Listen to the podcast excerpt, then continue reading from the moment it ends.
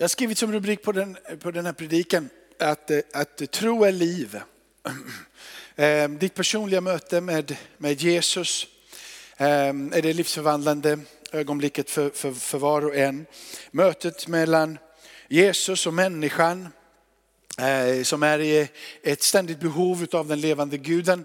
Eh, men så har jag kommit in och försökt den här veckan, liksom, vad, vad, är, vad är tro? Och vad gör tro? Så har jag läst otroligt, liksom gått in massor med bibelsammanhang där, där tro är inkopplat i. Och jag funderat på tro och, och, och så kommer jag tillbaka till vad, vad, vad, är tro och vad gör tro med dig och mig? Och varje gång som jag, som jag blundar mina ögon och funderar på alla bibeltexter och, och landar så, så, så ser jag för ett förhållande emellan, emellan sonen och fadern. Och när vi ser förhållandet mellan sonen och fadern så, så väcks tro. Eh, då händer någonting på den personens insida som, eh, som eh, bibeltexten refererar till eller Paulus försöker förklara. Det är någonting som sker när människan förstår vem Jesus är. Och när vi ser förhållandet mellan Jesus och Fadern så säger Jesus själv, tro på Gud, tro på mig. Tro ligger sammankopplat. En övertygelse om vem Gud är. Trons objekt. Han som är den ande, ende, sanne, allsmäktige, oförgänglige, oföränderlige, evige guden. Eh, kopplingen mellan honom ligger där i namnet Jesus. Tro föds, tro växer, tro sker, händer när uppenbarelsen och förståelsen om vem Jesus är och Jesus förhållande till Fadern. Och den här texten från Johannes 14 ehm, eh, är så tydlig. Låt inte era hjärtan oroas. Ehm, från kapitel fram till kapitel 12 så har du eh, en eh, text där som Johannes försöker förklara vem, vem Messias är. Vem är Jesus?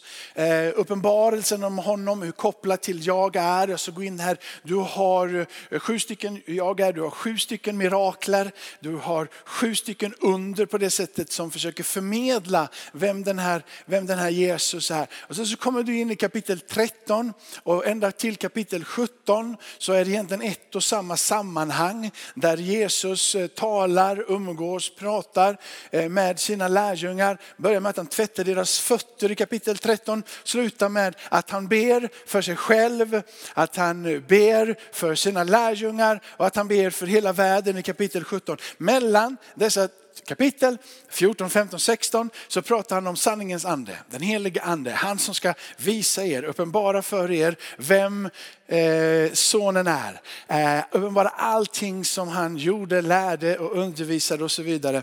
Så sammanhanget från kapitel 13 till kapitel 17 bör ju läsas tillsammans eh, för att få den fulla. Men jag tycker det är vackert att, Jesus, att Johannes har tolv kapitel, han uppenbarar eller vill uppenbara vem Jesus är för oss. Och sen så tar han in Jesus in i närheten till lärjungarna, att tvätta deras fötter för att därifrån tala om den helige ande och sen då den här bönen och förlösande. Och jag hoppar in i kapitel 14, nu fick ni lite eh, sammanhang här. Eh, låt er inte oroas era hjärtan. Tro på Gud och tro på mig.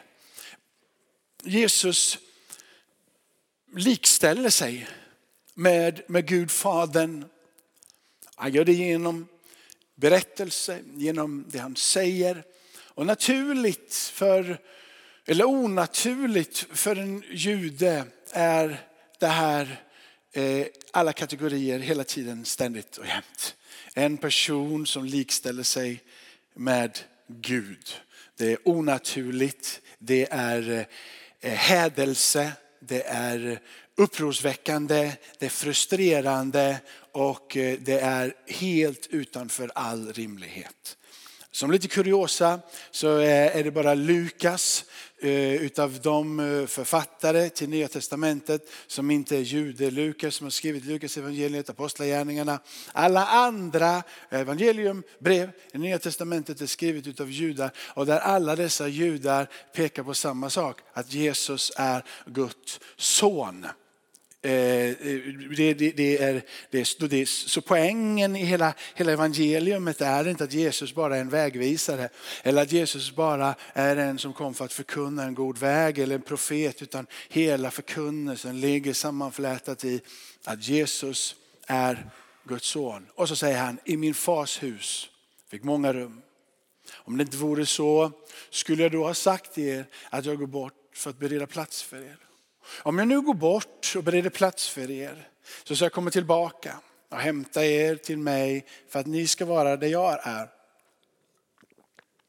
Och att jag går, det vet ni. Den vägen känner ni. Här reagerar Thomas. Herre, vi vet inte var du går. Hur kan vi då känna vägen? Och Jesus säger till honom, jag är vägen. Jag är sanningen och jag är livet. Ingen kommer till Fadern utom genom mig. Har ni lärt känna mig ska ni också lära känna min fader. Nu känner ni honom och har sett honom. Filippus förundras eller undrar, Herre visa oss Fadern så räcker det för oss. Och Jesus svarar, så länge jag har varit hos er och du har inte lärt känna mig Filippus. Du vet den som har sett mig har sett Fadern. Hur kan du säga visa oss Fadern? Tror du inte att jag är i Fadern och att Fadern är i mig? Orden jag talar till er säger jag inte av mig själv. Fadern bor i mig och gärningarna är hans verk. Tro mig, jag är i Fadern och Fadern är i mig. Och kan, och kan inte och tro, kan inte det, tro då för gärningarnas skull. Jag säger sanningen, den som tror på mig ska göra de gärningar som jag gör och större än så ska han göra. För jag går till Fadern och vad ni än ber om i mitt namn ska jag göra för att Fadern ska bli förhärligad i Sonen. Om ni ber om något i mitt namn ska jag göra det. Och jag eh, blir förundrad när jag läser de här texterna. För det som händer är att Jesus säger, be om något i mitt namn så ska jag göra det. Uppenbarelsen för dig och mig i första steget måste vara Jesus själv är det som gör det och sätter sig på platsen i förhållande till Fadern med samma auktoritet som Fadern, med samma makt som Fadern, med samma inflytande som Fadern, med samma möjligheter som Fadern, med samma skaparglöd som Fadern själv. Eh, det som sker i mitt hjärta när jag också läser den är att jag kopplar det samman med Markus. Jag vill läsa Markus tillsammans inledningsvis också ifrån Markus 11. Eh, Markus 11 från vers 20 ner till vers 25. När de tidigt nästa morgon gick förbi fikonträdet såg de att det hade vissnat ända från roten. Petrus kom ihåg vad som hade hänt och sade till Jesus, Rabbi, se fikonträdet som du har förbannat har vissnat. Och Jesus svarade dem, ha tro på Gud. Jag säger sanningen, om någon säger till det här berget, lyft dig och kasta dig i havet och inte tvivlar i sitt hjärta utan tror det han säger, ska det ske. Då kommer det att ske för honom. Därför säger jag er, allt vad ni ber om och begär, tro att ni har fått det så blir det ert. Och när ni står och ber så förlåt om ni har något emot någon. Då ska också er himmelska fader förlåta er era överträdelser. Amen, så lyder det heliga evangeliet. I min värld så, så är det här inte hokus pokus. Jag tror att Gud kan gripa in. Jag tror att Gud svarar på våran bön. Ehm, när det står att vi kan be om vad som helst och han ska svara oss. Så är inte det ett uttryck för att du kan be om en Ferrari och så kommer Ferrarin till dig. Eller att du på beställning kan ropa och ett helande sker för att du har ont i armbågen. Det är inte det ytterst sett som dessa texter visar. Utan det visar på att Gud själv kom ner till jorden, att Jesus är närvarande, att Jesus går in i en relation med dig för att uppenbara den relation som han har med Fadern. Att han likställer sig själv med Gud och att du du får öppningen till himmelen genom sonen. Det stora är inte att du ska få vad du vill. Det stora är att Jesus har öppnat en dörr för dig och mig att trida in i faderns vilja. Att komma till platsen och ske, säga inte som jag vill utan som du vill. Och vi vet till exempel Jesaja 53 där det står genom dina sår är vi helade. Vilket Jesus inbjuder dig och mig. Gud inbjuder dig och mig om att be för till exempel helande. Men dessa texter är inte direkt kopplade med att du och jag ska till exempel kasta berg i vatten. Så om du har tillräckligt mycket tro så kan du kasta berg i vatten. Dessa texter innefattar att du och jag ska låta Guds vilja få ske i våra liv. Om Guds vilja är att kasta ett berg i vattnet så sker det. Han vill inbjuda dig och mig att till och med be om det som är fullständigt omöjligt. Inte för att din vilja ska ske, men för att hans vilja ska ske. Det är så han inbjuder dig och mig i Fadern, eh, i Fader vår. Det är Jesus böner som Jesus själv undervisar oss. Han inbjuder inbjuder dig och mig att be ut det som är Faderns vilja. Inte att kasta berg i vatten. Men att be om Faderns vilja. Och när Faderns vilja får ske i ditt och mitt liv och när vi ser det hända så sker det som är omöjligt blir möjligt. När Jesus presenterar sig själv, eh, till exempel det som du var inne på här ifrån, ifrån eh, den, den samariska kvinnan, Sykars brunn, så eh, hade de i kapitel 4 i det. De första 26 verserna i kapitel 4 så introducerar Jesus sig själv för, för kvinnan. Han skickade bort 12 stycken för att skaffa mat inne i byn till 13. Bara det är märkligt. Det är som att han redan där bestämde sig för, jag vill vara själv med den här kvinnan. Jag sänder bort dem för att ge henne fullständig uppmärksamhet. Sänder tolv för att skaffa mat till 13 stycken. Engagera sig i hennes liv. Talar in i hennes liv. Låter henne få en upplevelse utav vem han är, vad han bär, hur han andas, hans ögons mildhet, hans kärleks omfamning. Han bjuder in kvinnan. Kvinnan förstår vem han är och efter 26 verser här så säger hon, du är nog Messias va? Är det här Messias? Kan det här vara Messias? Det är Messias. Allting som han har sagt stämmer om mitt liv. Och så får hon en uppenbarelse, en personligt möte, en iakttagelse gjord på utsidan till ett livsförvandlande hjärta. Hjärtat öppnas och det börjar pulsera på hennes insida. Och hon väcks där och säger jag måste in och tala om för mina vänner inne i byn. Hon springer in med en subjektiv upplevelse av vem Jesus är. Ett tilltal till henne livsförvandlande för henne själv. Det är så subjektivt, en egen upplevelse, en egen erfarenhet. Det handlar om henne och Gud och ingenting annat. Men vad hon gör är att hon talar om den objektiva verkligheten. Verkligheten om här är Messias. Kom och se själva. Hon lockar med sig folk och Jesus kommer in i byn och det finns ett möte emellan dem. Och så säger hon, de i byn, efter mötet med Jesus själv.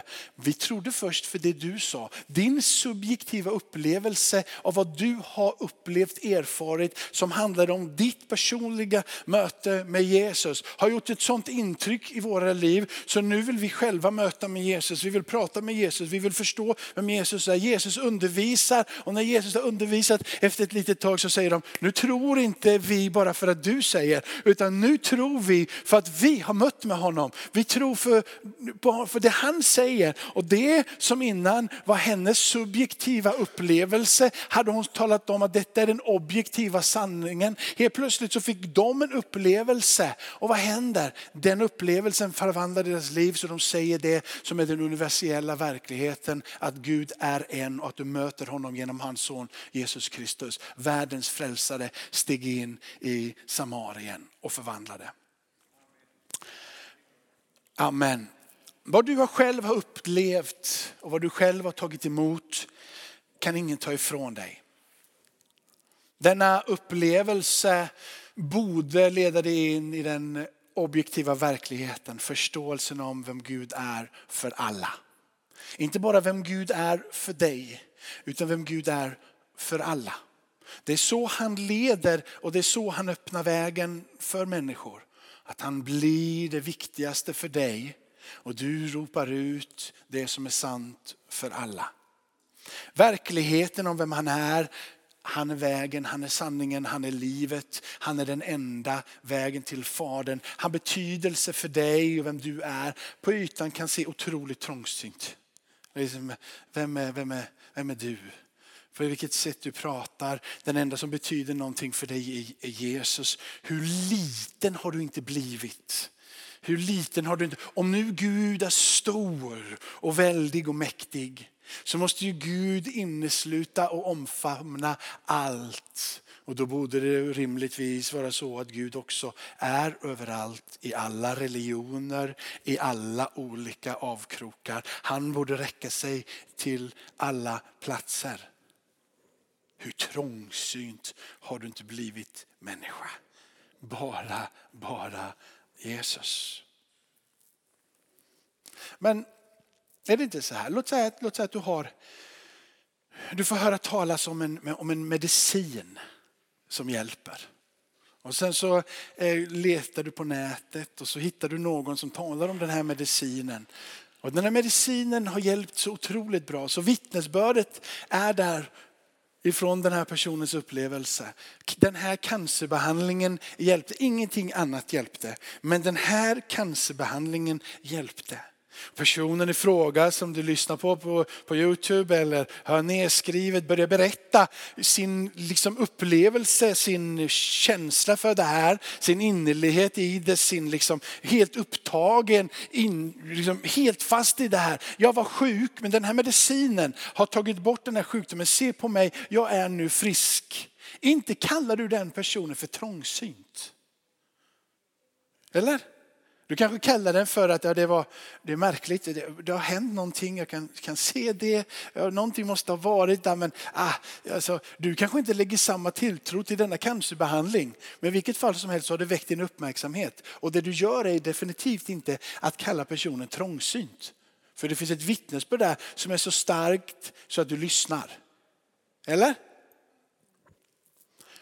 Varför kallar de dig och mig trångsynta när vi pratar om vår upplevelse av vem Jesus är?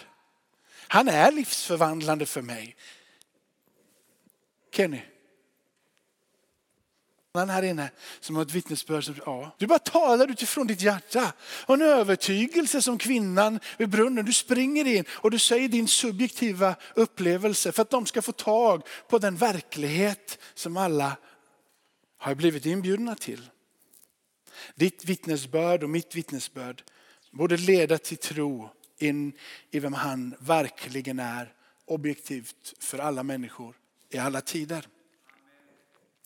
Människosonen och det här uttrycket eh, Messias och jag är Människosonen. Mer än 80 gånger så refererar Jesus sig själv eh, i jämställdhet med Gud själv som högsta auktoritet.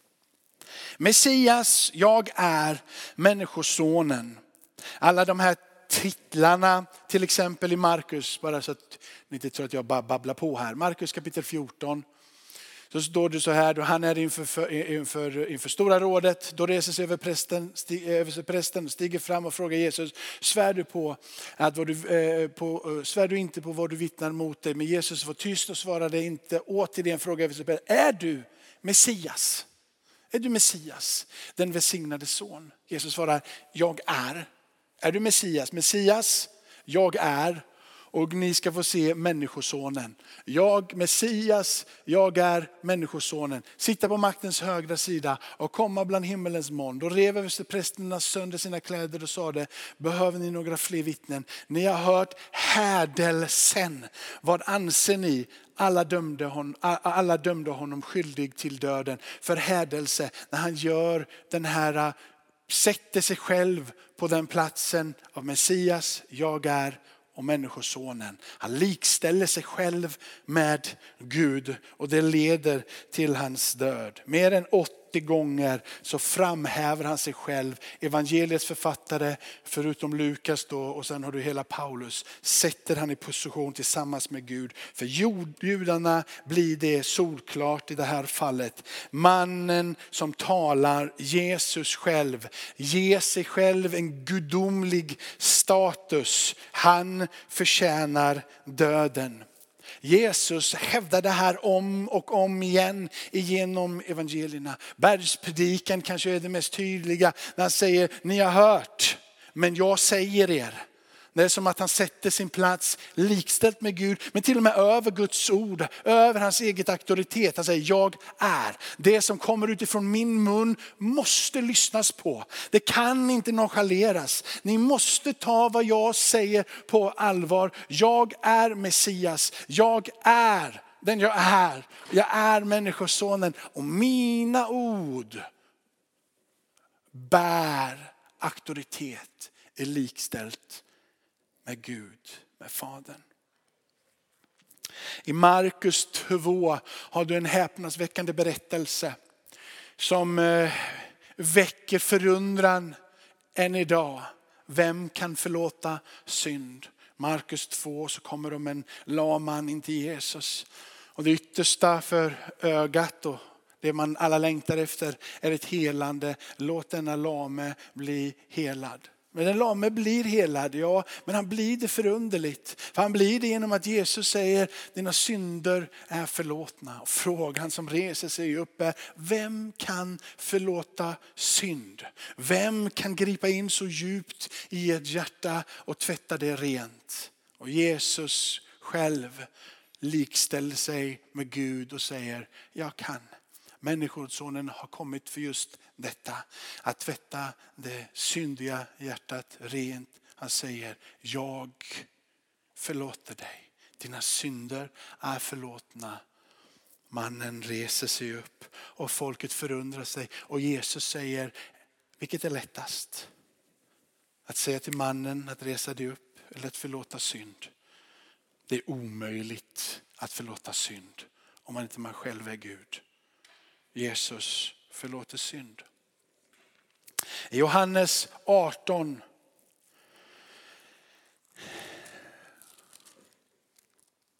Jag hoppas att det här ska väcka tro. Det är därför jag pratar på det här sättet idag. Men inte för att berätta massor med berättelser om tro. Jag tänker att om jag berättar om vem Jesus är så väcks tro. I det här sammanhanget så blir han också då förrådd och fängslad och de ska fånga upp honom där när de är i trädgården. Och när de ska ta honom här så säger Jesus, som visste allt om det som skulle hända honom. Han gick ut och han frågade, vem söker ni? Och de, säger, de svarar Jesus från Nasaret. Och han sa det till dem, jag är. Även Judas, han som förrådde honom, stod bland dem. Och när Jesus sa det till dem, jag är, ryggade de tillbaka och föll till marken. Jag tror att de föll till marken av två anledningar. Jag tror att de föll till marken och att de blev rädda för att det strömmade ut liv ifrån honom som de kände och erfarde.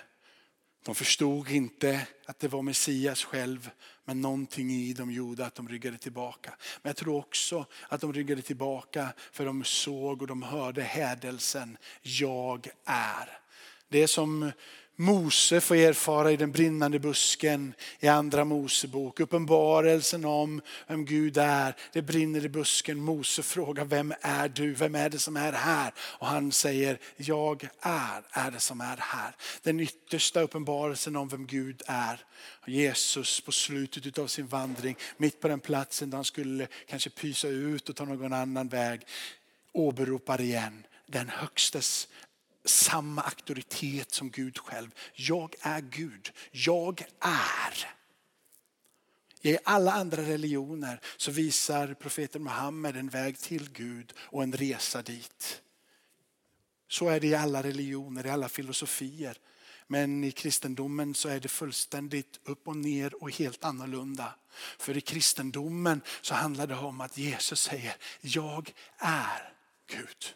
Gud har blivit människa och kommit ner hit till jorden. Det är därför som du kan komma till honom och till och med be bergen att kasta sig i havet. För att jag är, är din frälsare och din Herre. Relationen mellan Fadern och Sonen. Uppenbarelsen om vem Jesus är i förhållande till Fadern och förhållande till dig gör det möjligt att stå i den mest trasiga situation och mest svåra situation och få upp ögonen för att jag är, är din frälsare och din Herre. Så att det som är framför dig är så litet i jämförelse med hur stor han är och hur mäktig han är. När Jesus bjuder in dessa folk som vandrar runt omkring honom så eh, börjar han med att tala om att han är livets bröd. Jag är livets bröd. Han säger jag är världens ljus och jag är dörren till fåren. Jag är den gode heden. Jag är uppståndelsen och livet. Jag är vägen, sanningen och livet och jag är den sanna vinstorken. Varje gång som Jesus talar om jag är så talar han om en gudomlig funktion i hans liv, eller ett karaktärsdrag, en personlighet, någonting som Gud gör här på jorden just nu genom vem Jesus är. Det finns i samma andetag som Jesus är personlig och nära och lär så finns det en funktion i att han är här som att leda dig och mig. Så när Jesus säger att jag är livets bröd så pekar han på allting. Han är upprätthållaren. Han är den näring som du behöver. Han är upprätthållaren utav livet och du tar emot dig från höjden. Han upprätthåller. Jag är upprätthåller allt. När han pratar om att jag är världens ljus så är han den som belyser universums sanning. Uppenbarelsen i vem Gud är och hur Gud verkar. Jag belyser, jag kommer med ljuset för att tala om vad som är det väsentliga, vad som är det viktiga. Jag är, jag belyser hela den här världen i kunskap uppenbarelse om Gud själv. När han säger jag är dörren till fåren så säger han jag är den som släpper in dig. Jag är den som är dörren. Jag släpper in dig i en gemenskap med mig och med Fadern. När han säger jag är den gode heden som ger sina liv så talar han om det perfekta offerlammet. Han som offras för försoningen. Han som ger sitt liv så att vägen in till Fadern är möjlig. Offer behövs inte längre som det behövdes innan. När när han säger att jag är uppståndelsen och livet så säger han det är jag som föder på nytt. Jag ger det nya livet. När han säger jag är vägen, jag är sanningen och livet så säger han det är jag som vill leda. Det är jag som vill tala, det är jag som vill lära, det är jag som vill visa. Det är jag som vill vara där för dig och vandra tillsammans med dig. När han säger jag är den sanna vinstocken så säger han att det är jag som ger frukten. Det är jag som gör det i dig. Den här kontrasten av att det kommer in en man, judarna tittar på honom och säger det är hädelse. Hur fångas det här upp? Hur tas det emot? Och vad händer i folks hjärtan när man säger en sån här hög bekännelse? Jag tror att de eh, försökte hitta vägar. Vi pratade om för några veckor sedan den etiopiska hovmannen Filippus talar med honom och visar ifrån skriften. Samma sak ifrån skriften ifrån Jesaja och Eh, och bakåt Jeremia och alla andra profeter. Och det som händer är att Paulus gör på samma sätt. Känner ni igen Filipperbrevet 2 och vers 10 och 11. Där det står så tydligt att alla knän ska böja sig och alla ska bekänna Jesus som Herre. Det är direkt citat egentligen ifrån Jesaja 45.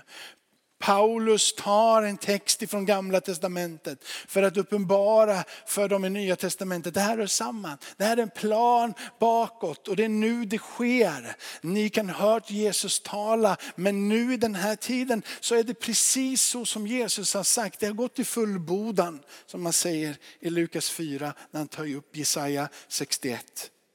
Så här står det i Jesaja 45. Vänd er till mig och bli frälsta. Ni jordens alla ändar. Ty jag är Gud och det finns ingen annan. Jag har svurit vid mig själv, ett sanningens ord har utgått från min mun. Ett ord som inte tas, ska tas tillbaka. För mig ska alla knän böja sig och alla tungor ska ge mig sin ed. Det är det som Paulus citerar med sina egna ord i Jesus Kristus i Filipperbrevet 2. Den djupaste sanningen att Jesus är Gud själv får bergen att ryckas upp och kastas i haven. Alla knä ska böjas och alla tungor ska bekänna. Sju stycken mirakler som sker genom hela ehm, fram till kapitel 12 i, i Johannes evangeliet. Jag väljer de, de sju är för att dig som vill ha med. Du har när Jesus ger vatten till vin. Han, han helar och botar den sjuke, den kungliga sjuke tjänarens son. Eh, han är vid Betesda-dammen, botar en, botar en lam där. Du har eh, matundret med 5000. Du har Jesus som går på vatten. Du har när han helar den blindfödde som sen då bekänner och tillber Jesus för den han är. Och sen så uppväcker han Lazarus ifrån de döda och väcker honom och säger kom ut. Eh, dessa sju tecken pekar på hans gudomlighet precis som allting han säger. Han sa det, han gjorde det i mirakel och han levde ut det i sin närhet och de trodde att han var Guds son. Kan du gå tillbaka till Markus kapitel 11 och låt oss läsa det igen. När Jesus är med dem och de börjar förnimma vem han är de har kopplat ihop det här med gamla testamentet. Någonting har väckts i deras hjärta. Ungefär som Emmausvandrarna som hör det förkunnas och sen så bryter de brödet. Och när de bryter brödet så öppnar deras hjärtan och de tror. På samma sätt så har ordet verkat i deras hjärta och de börjar tro när Jesus har talat. Och så säger Jesus, ha tro på Gud. Han säger, ha tro på mig. Ha tro på Gud. Ha tro på mig. Jag säger sanningen. Om någon säger till det här berget, lyft dig, kasta dig i havet och tvivla inte i sitt hjärta utan tro att det han säger ska det ske. Då kommer det att ske. Säger Jesus, ha tro på era böner. Nej, inte säger Jesus att ha tro på det som är det fysiska berget och rikta din koncentration mot berget och berget försvinner. Inte säger han rikta din koncentration. Inte säger han rikta din koncentration till det som är det svåra. Han säger ha tro på Gud. Lyft din blick och be till den guden som är verkligheten och din subjektiva upplevelse, sanningen själv. Be till honom om det som är framför dig. Be till honom om att Guds vilja ska ske. Och när de började be så tror jag att de fick vara med om det här. De fick se det ske. Och så tänker du så här, ja, men hur, ska vi, hur ska vi förhålla oss till detta? Vad är det så, hur väcks detta i våra liv och hur sker det? Bibeln är full av änglar. Bibeln är full av det profetiska. Profetiorna bara är där i överflöd. Bibeln är full av gudomligt givna drömmar. Bibeln är full av gudomligt givna syner, av under, av tecken, av mirakler, av helande. Gud är en Gud som stiger in i människans verklighet här och nu och gör förunderliga saker. Han ändrar på det som är minus till det som är plus. Han tar dig ifrån att varit sur och butter in i sin glädje. Han tar dig ifrån att vara halv till att bli hel. Han tar dig ifrån att uppleva och känna dig delad till för att uppleva läkedom och få bli hel i hans namn. Han tar bort sjukdomen, smärtan och ger dig hälsa och han ger dig liv. Det är den guden som har verkat sedan begynnelsens början. Det är den guden som verkade genom hela Israels historia när han gjorde dessa mirakler. Han är den guden som verkade under den tiden Jesus vandrade där. Och han är den guden som verkar idag.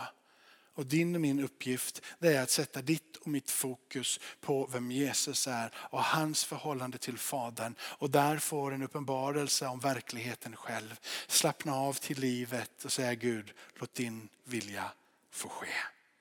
Så som den sker i himmelen, så och på jorden. Amen. Amen. Vi ber en bön. Tackar dig Fader i himmelen Herre för dina mirakler, för dina helande, för dina under, för dina tecken. Därför att du bryter dig in i våran värld. Därför att du kommer Herre med syner, med drömmar, med änglar, profetiska hälsningar Herre. Du ger oss kunskap, visdom. Du ehm, ger oss trons ande, står det, genom andens närvaro. Tungomålstal, uttydning av tungomålstal Herre. Så mycket som händer när du är närvarande. Vi längtar in i det här livet för att vi vet vem du är och du bjuder in Herre. Jesus, låt oss få se Herre igen vem du är. Så den objektiva verkligheten, vem du är, får vara det som lyser igenom i våra liv. Vi har en upplevelse av vem du är Herre och vi vill ropa ut ifrån den att du är konungarnas konung, herrarnas herre. Den guden som kan stiga in när som helst i historien och förvandla liv. Ske din vilja i Linnéakyrkan. Ske din vilja i våra liv, våra familjers liv. Ske din vilja i Göteborg. Ske din vilja i det här landet och ut över hela världen. Kom Herre, kom Herre.